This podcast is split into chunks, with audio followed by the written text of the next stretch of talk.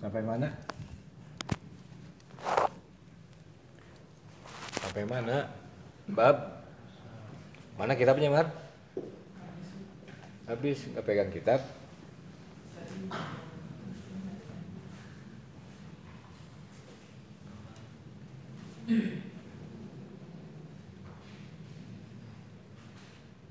Pasal barunya. Paslun.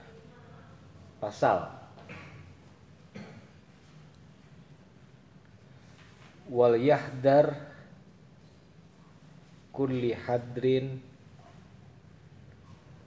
man qasduhu taqsira bikasratil mustagilina alaihi wal yahdar dan hendaklah berhati-hati kulla hadrin dengan kehati-hatian yang sungguh-sungguh. Man qasduhu man di sini maknanya kepada seorang guru. Man qasduhu jika belajar kepada seorang guru yang bermaksud mengajarkan ilmunya taksira untuk mendapatkan murid yang banyak atau santri yang banyak. Bikas rotin sebanyak-banyaknya. Mustasgilina sehingga menjadi terikat alaihi padanya. Wal mustakhlifina ilaihi dan orang-orang menjadi butuh kepadanya. Ini maknanya dalam bab ini, dalam pasal ini. Hendaklah seorang murid itu hanya belajar dan mencari ilmu itu dari guru-guru yang memang mengikhlaskan diri hanya untuk mengajarkan ilmu tidak ada tujuan, tidak ada motivasi untuk memperbanyak murid. Apalagi kemudian mengikat murid-muridnya sehingga murid-muridnya seakan-akan butuh pada guru itu. Tidak boleh ada kepentingan pribadi gitu dalam menyampaikan ilmu itu. Dan ke mana kitabnya emang dan? Eh? ke mana? CF eh saya deh. Udah mau bisa bisa tuh ngaji kitab begitu nyepeng kitab mah kena bisa nang ngaji kitab teh lamun bari nyepeng kitab.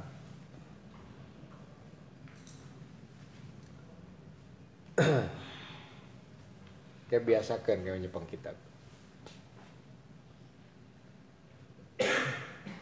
jadi hendaklah berhati-hati dari mengambil guru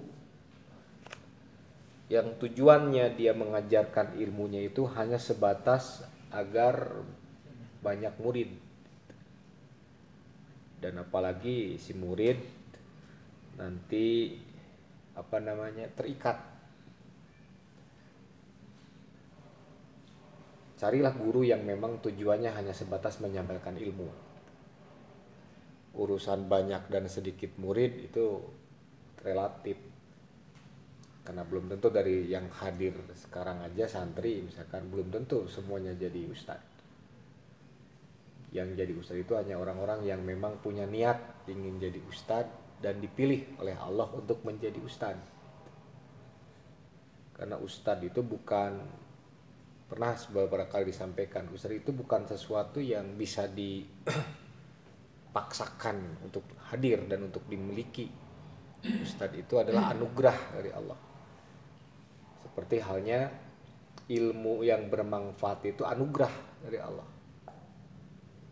Setiap orang yang mencari ilmu pasti bakal mendapatkan ilmu. Tapi apakah ilmunya itu nanti manfaat dan tidak, itu adalah tergantung niat seorang itu tolabul ilminya apa dan apakah Allah memilih nggak orang itu menjadi orang yang memiliki ilmu bermanfaat? Karena dari sekian murid misalkan di satu sekolah di satu kelas ada 40 murid. Misalkan. Gurunya sama materi penyampaiannya juga sama.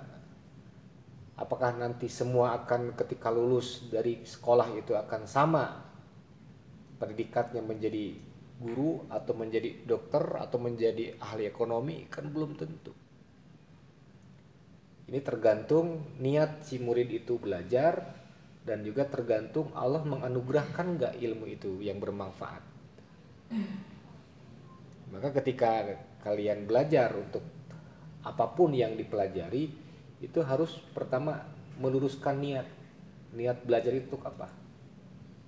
Kan kemarin sudah dibahas di beberapa hadis disebutkan barang siapa yang mencari ilmu hanya untuk mengejar kesuksesan dunia hanya untuk supaya mendapat predikat orang pintar hanya untuk supaya bisa membodohi orang-orang yang bodoh hanya untuk bisa berdebat dengan para ulama maka kata Rasulullah apa? Dia tidak akan bisa mencium baunya surga dan dia harus siap-siap bikin tempat duduk di dasar neraka. Kemarin dibahas makanya luruskan ya dan ketika kita sudah meluruskan niat Allah akan memberikan kepada kita sesuai yang diinginkan kita.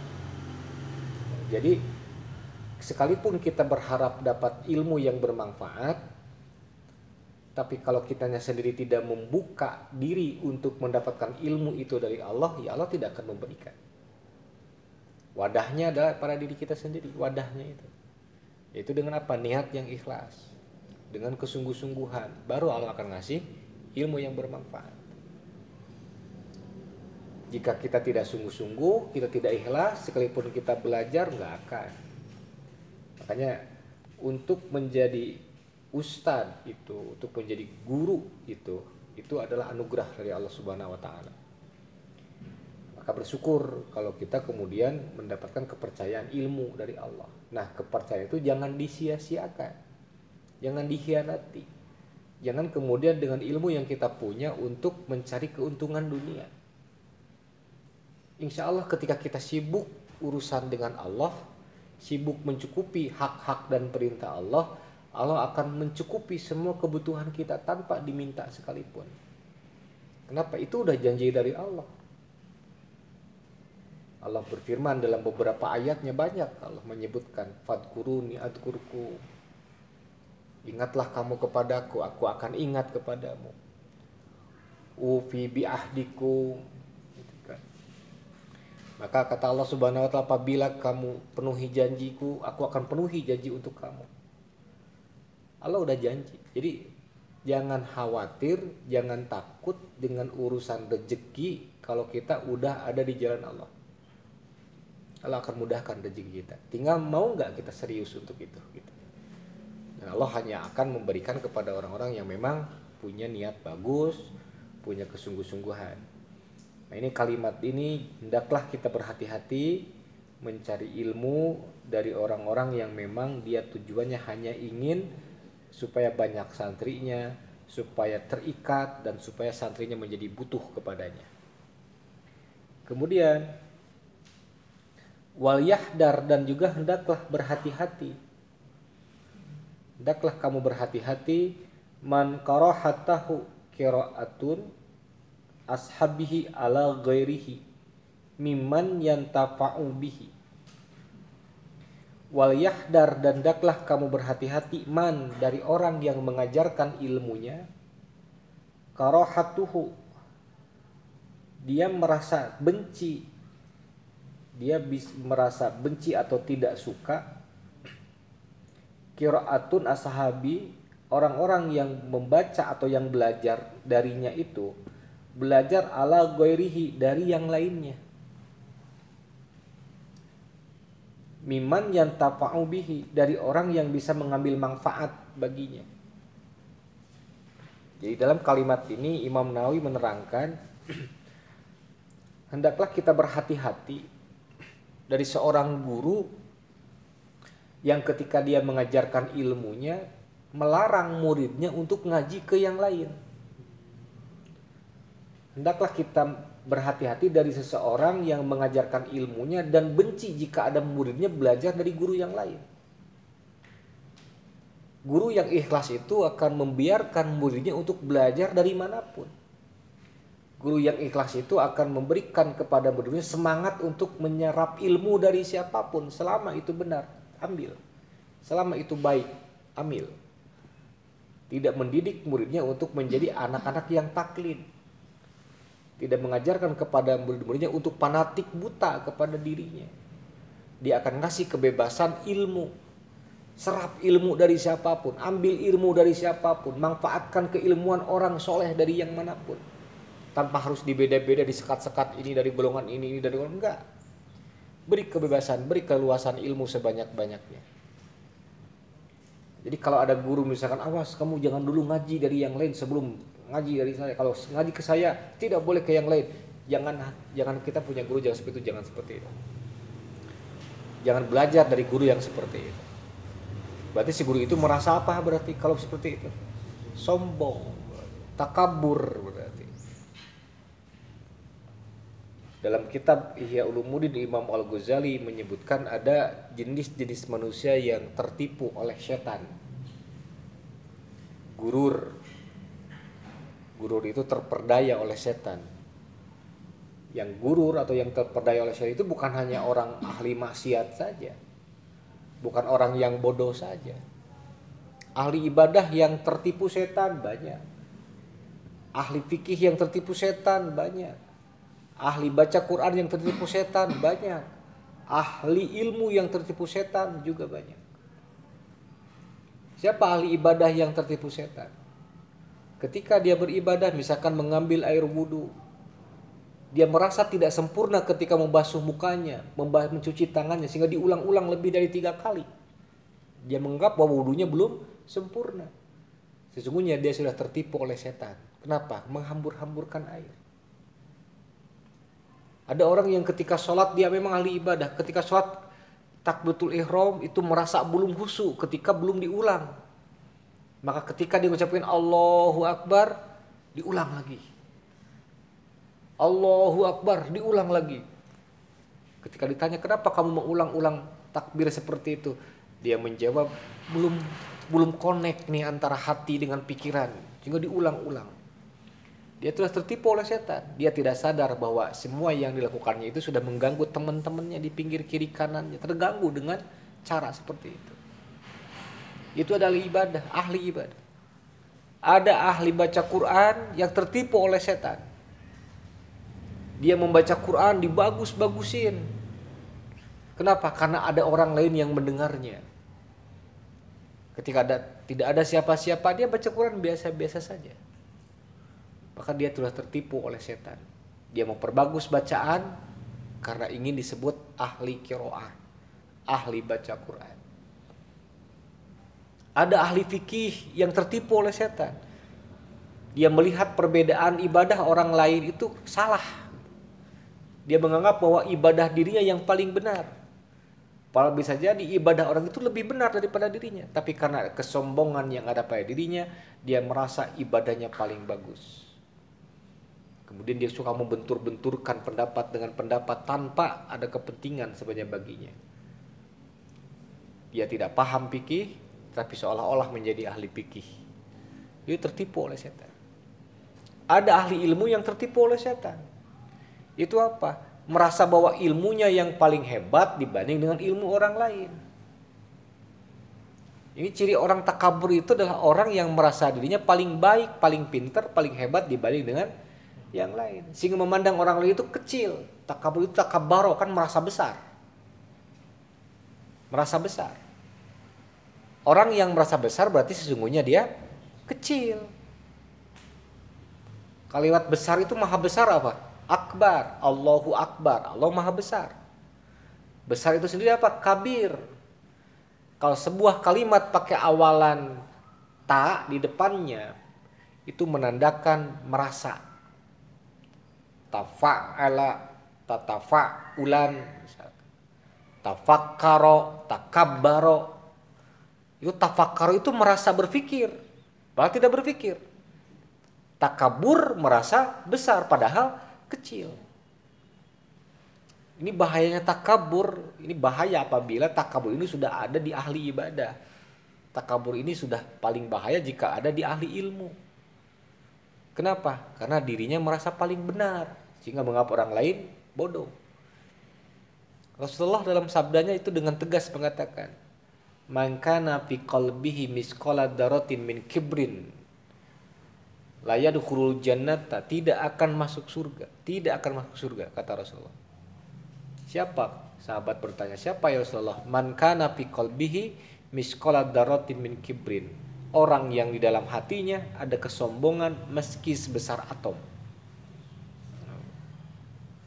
Sombong dalam hal apa pun Orang kaya sombong dengan hartanya salah. Orang berilmu sombong dengan ilmunya salah. Ini lebih bahaya. Orang ahli ibadah sombong dengan kesolehannya itu juga salah. Berat. Nah ini bagi kita pelajaran. Maka dalam bab ini Imam Nawawi sangat bagus membantu kita untuk mengenal siapa guru yang harus dijadikan teladan oleh kita itu. Satu tadi dikatakan, janganlah kita mengambil guru dari orang yang dia mengajarkan ilmu tapi dengan popul ingin mencari murid yang banyak.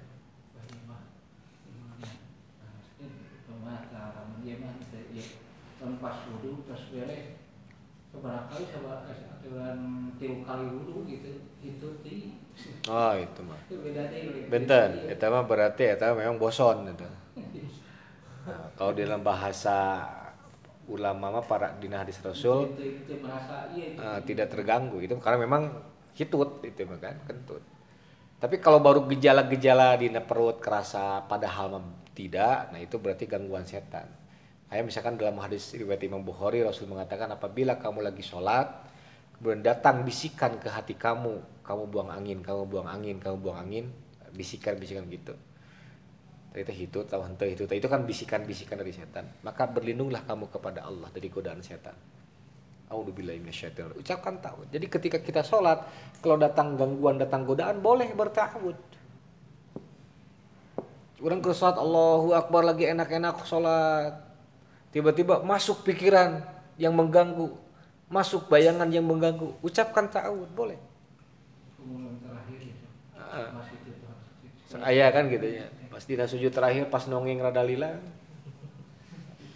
Suka ayah kadang-kadang. Ucapkan ta'awud.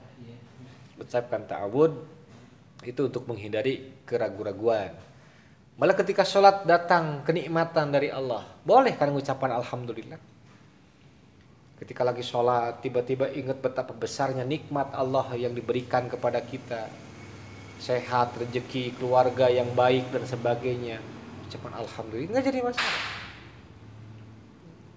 itu kan refleks namanya. Sesuatu yang refleks. Malah dalam ayat-ayat apa dalam hadis-hadis Rasul juga disebutkan ketika lewat bacaan Quran yang isinya adalah tentang azab maka berlindunglah kamu dari azab itu kepada Allah. Apabila membaca ayat Al-Quran melewati ayat-ayat rahmat maka mintalah kamu kepada Allah rahmat itu. Makanya ada berarti bacaan. Ya, kalau ngerti itu juga yang dibaca. Itu ngerti mah tong tong disambung-sambung kayak namun baca alhamdulillah tadi asa nikmat. Namun dibaca ayat ajab kan ternyambung. Bisi kata ayat ajab lu dibaca. Hari kakak alhamdulillah dibaca kan jadi malah hayang berarti itu masuk neraka. Yang pengingat yang pengingat Ujan jeng sawai nung imaman lamun rokaat katilu jeng kaopat sok rada lila berdiri na maca surat teh teh. Hmm? maca. Tak kayak gini kini bulgul morom orang buka. Sunnah dina solat yaitu bacaan surat setelah baca al-fatihah. Tapi itu hanya berlaku di rokaat pertama dan kedua. Rokaat ketiga dan keempat cukup hanya fatihah saja. Kayak dina bulgul morom dek dibuka aja nak bulgul morom eh sokat tuh buka tuh kita benar ayat saya benar saya beberapa kali mengimami eta sok nah rokaat katil kopat rada lila sampai-sampai diisi ku abah eta maca al-fatihah sabara kali can beres gitu kan Gitung tuh nggak ganggu karena konsentrasi jamaah. Itu baru udah kalau betul butuh sok.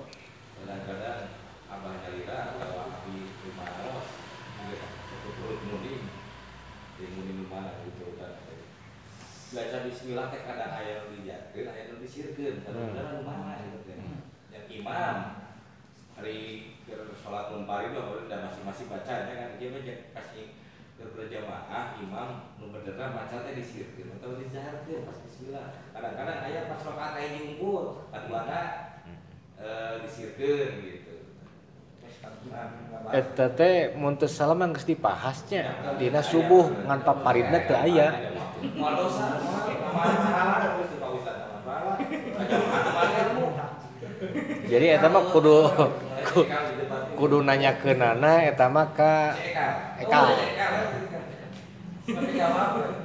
Mumpung Jadi nyamuk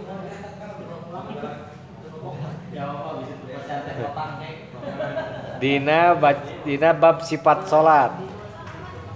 Malam.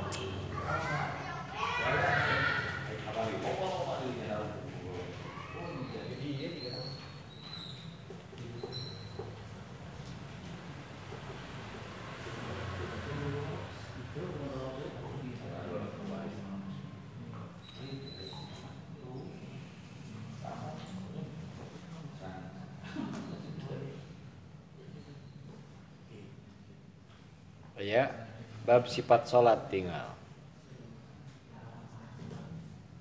Enggak ada yang pakai terus gitu. Gitu.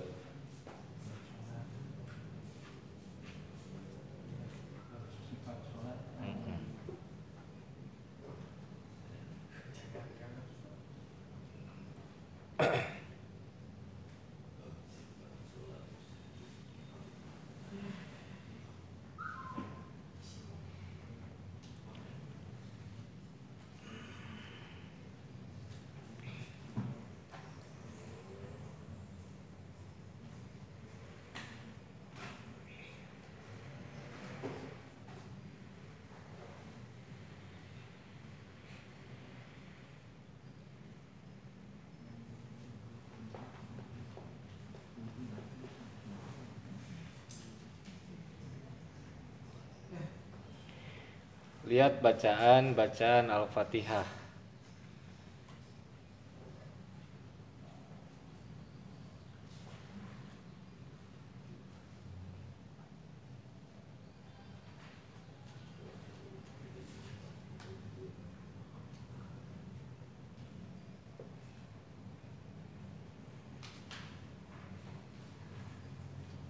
Hadis nomor 307. Hadis di Abi Qatadah.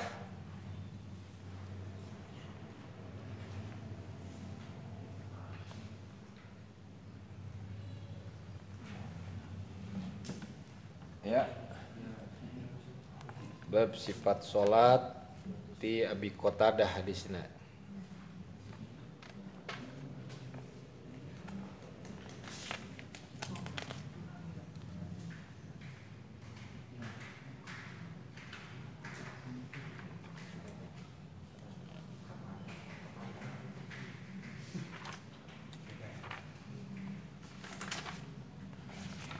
Cik bacakan Ayo baca.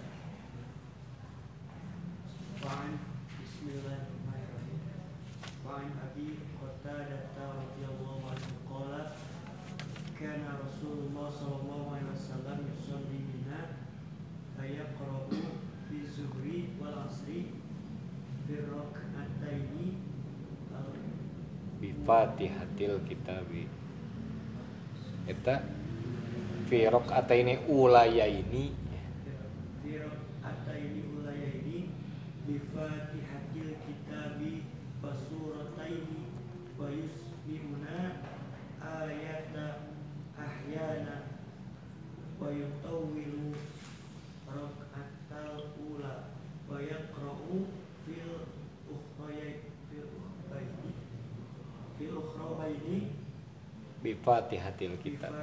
Bifatihatil. Dari Abi Qatadah radhiyallahu anhu dia berkata bahwasannya Rasulullah SAW yusolli bina salat bersama kami kata Abi Qatadah Rasul salat bersama kami fayaqra'u fi duhri wal asri maka beliau membaca pada salat duhur dan asar fi raq'atainil ulayaini pada dua rakaat yang pertama solat duhur dan asar. Pada dua rakaat pertama berarti dua rakaat sebelum tahiyat awal beliau membaca bi Fatihatil Kitabi wa surataini. Membaca Al-Fatihah dan membaca surat. Gitu. Wa yusmi'una ayatan ahyanan dan terkadang memperdengarkan kepada kami ayat. Artinya beda surat yang ayat beda ini dijelaskanlah sedikit di sini yang diberikan contoh salat naon Duhur dan asar. Apa kata Abi Qatadah? Abi Qatadah kumaha? Eh, beliau membaca. Berarti Abi Qatadah mendengar bacaan Fatihah dan surat Rasul di sholat duhur dan asar. Ini menjadi dalil sebenarnya dibolehkan mengeraskan bacaan dalam sholat duhur dan asar itu. Contoh di hadisnya. Dari mana Abi Qatadah tahu bahwa Rasul membaca dalam sholat duhur dan asar? Pasti ketika terdengar bacaan itu. Dalam riwayat sebagian ulama mengatakan ini konteksnya Rasul lagi mengajarkan sholat. Oke, boleh. Jadi dalam misalkan di kejadian-kejadian tertentu di daerah-daerah tertentu yang belum mengenal sholat dengan baik, dibolehkan kita cara mengajarkan ilmu sholat dan bacaan. Sholat itu dengan mengeraskan bacaan sekalipun di sholat duhur dan asar. Supaya orang tidak menyangka nantinya berarti duhur jeung asar teu macana naon untuk ulah kitu gitu. Maka Rasul perlu mengeraskan bacaan bagi orang yang sudah paham bahwa duhur dan asar lebih bagus bacaannya disirkan berarti itu yang diamalkan disirkan duhur dan asar. Tapi bagi dalam rangka tarbiyah, mendidik dan mengajar boleh dikeraskan. Tuh. Tapi hadis ini juga dipegang oleh sebagian ulama yang mengatakan asal hukum hadis ini membolehkan kita mengeraskan imam mengeraskan bacaan dalam duhur dan asar. Bukan hanya maghrib isya dan subuh aja boleh. Dan sesekali itu boleh katanya gitu. Itu sebagian ulama. Kemudian dikatakan di sini di dua rakaat pertama membaca al-fatihah dan surat jadi hanya rakaat pertama dan kedua wungkul baca fatihah dan surat teh terkadang Rasul di rakaat pertama dan kedua membaca juga ayat beda surat yang ayat kalau surat maful disebut surat al-ahab maaf surat Al-Baqarah.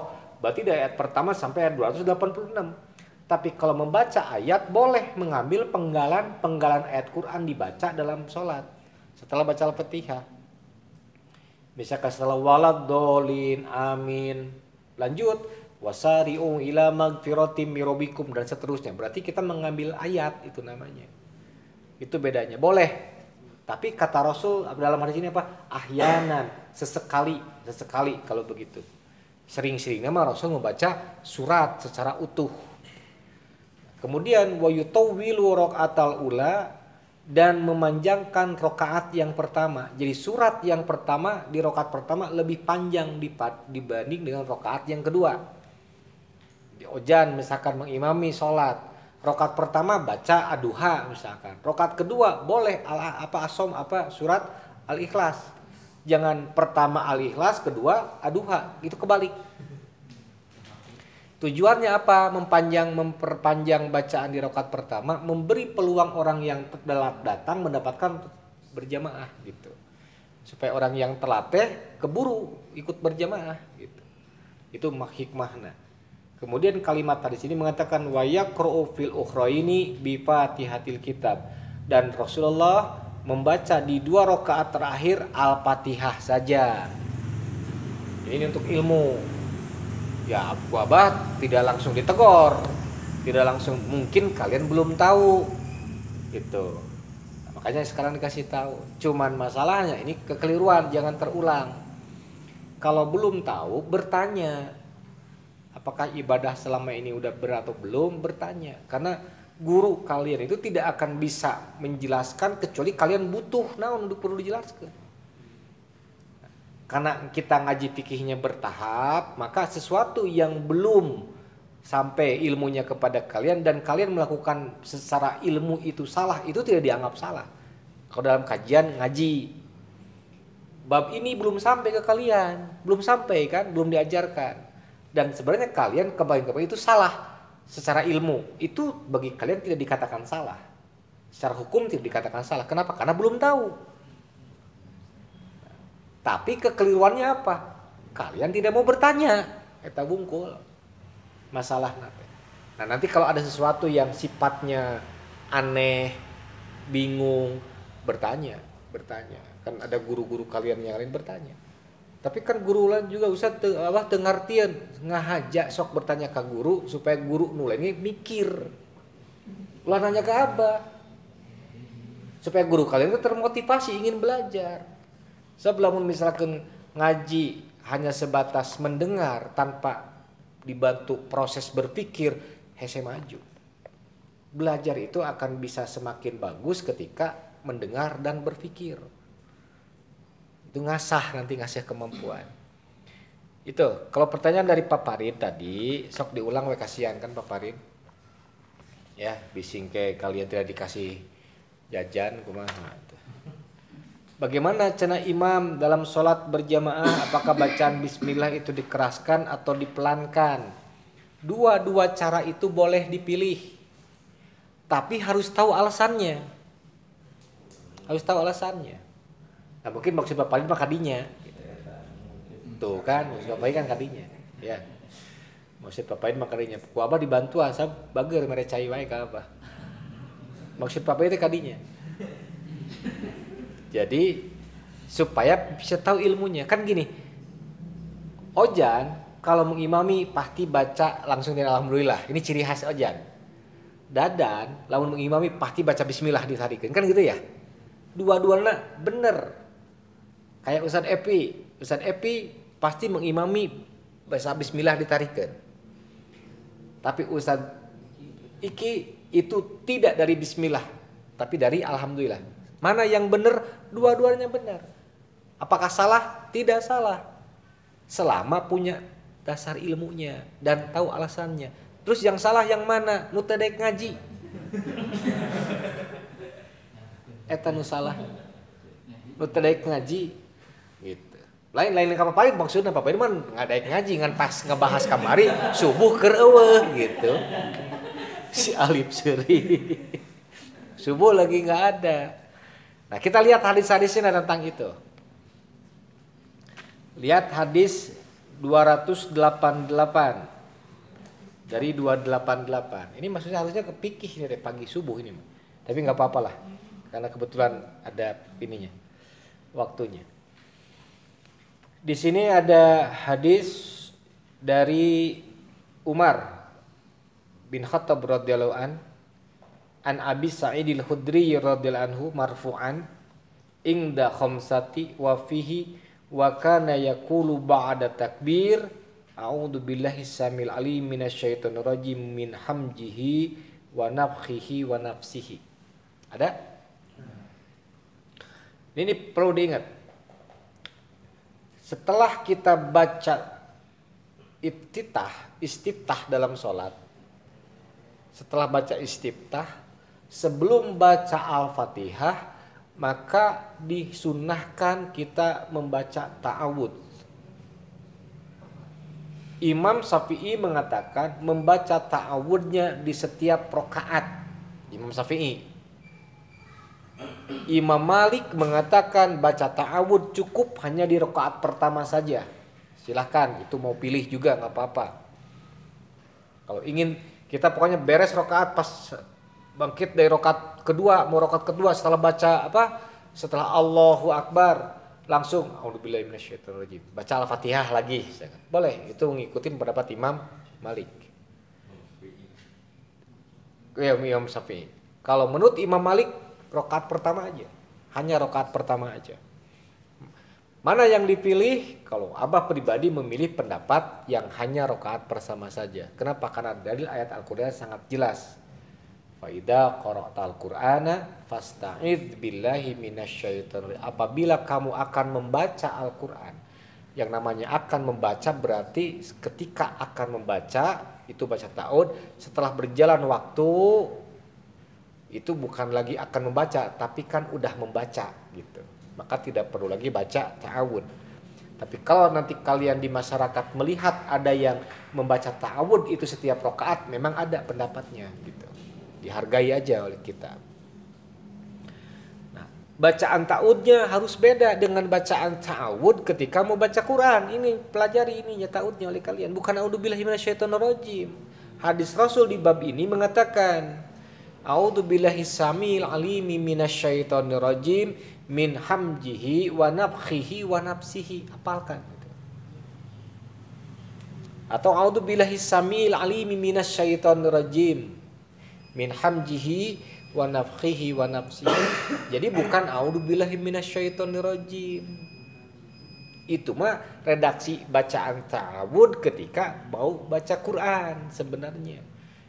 Tapi apakah salah kalau baca itu? Tidak salah, cuman menempatkan sesuatu sesuai dengan dalil itu lebih bagus gitu. Itu lebih bagus. Misalkan bukan tidak bagus, bagus, cuman kalau ada dalil yang mengatakan ternyata contohnya dari Rasul dan sahabat mempraktekkan baca ta'awud ketika mau sholat itu adalah mau maaf bukan mau sholat ketika mau baca Al-Fatihah dalam sholat itu minasyaitonir itu yang bagus itu dibaca. Dan ingat juga ini, bacaan ta'awud ini dibacanya ba'da takbir. Setelah takbir maksudnya, maksud setelah takbir itu setelah takbir ihram, setelah baca istiftah baru baca Al-Fatihah. Nah, sebelum itu maksudnya. Bukan Allahu Akbar, auzubillahi minasyaitonir rajim. Bukan itu. Ya, maknanya yaitu setelah baca istiftah sebelum baca Fatihah gitu.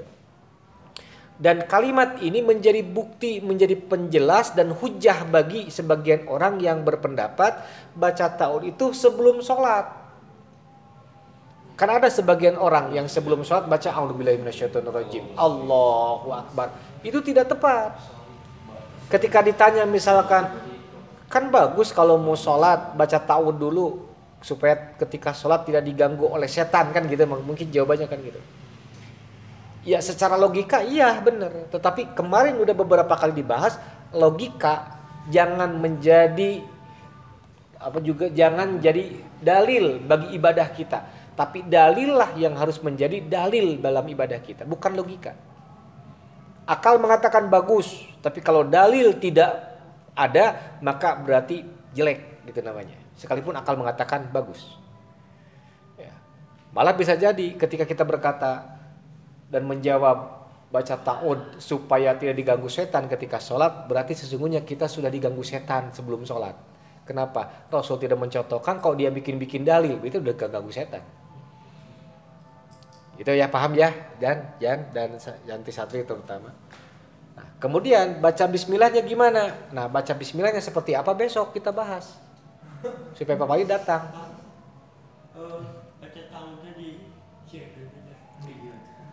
Baca ta'awud itu disir yang namanya sir bukan dalam hati. Yang namanya sir itu terucap dan mulut bergerak itu sir jangan terdengar oleh orang lain kalau terdengar oleh orang itu bukan sir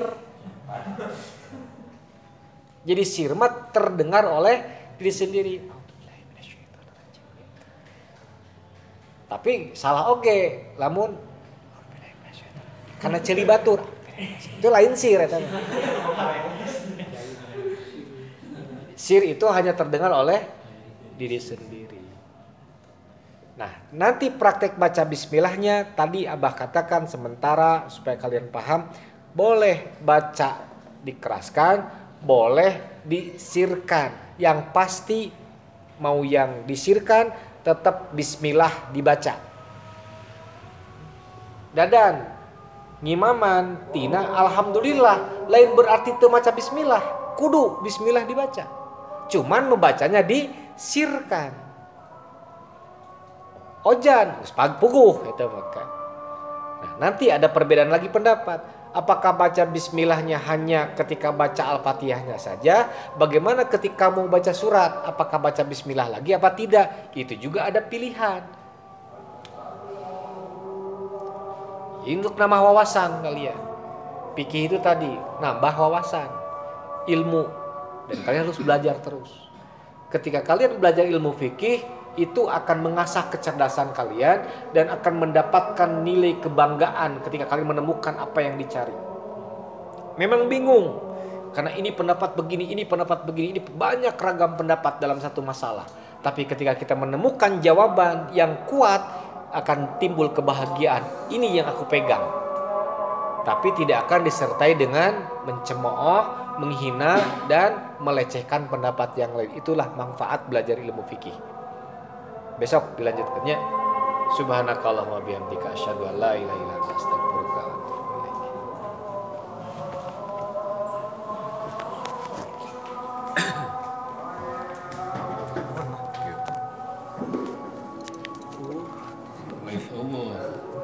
kapan nih?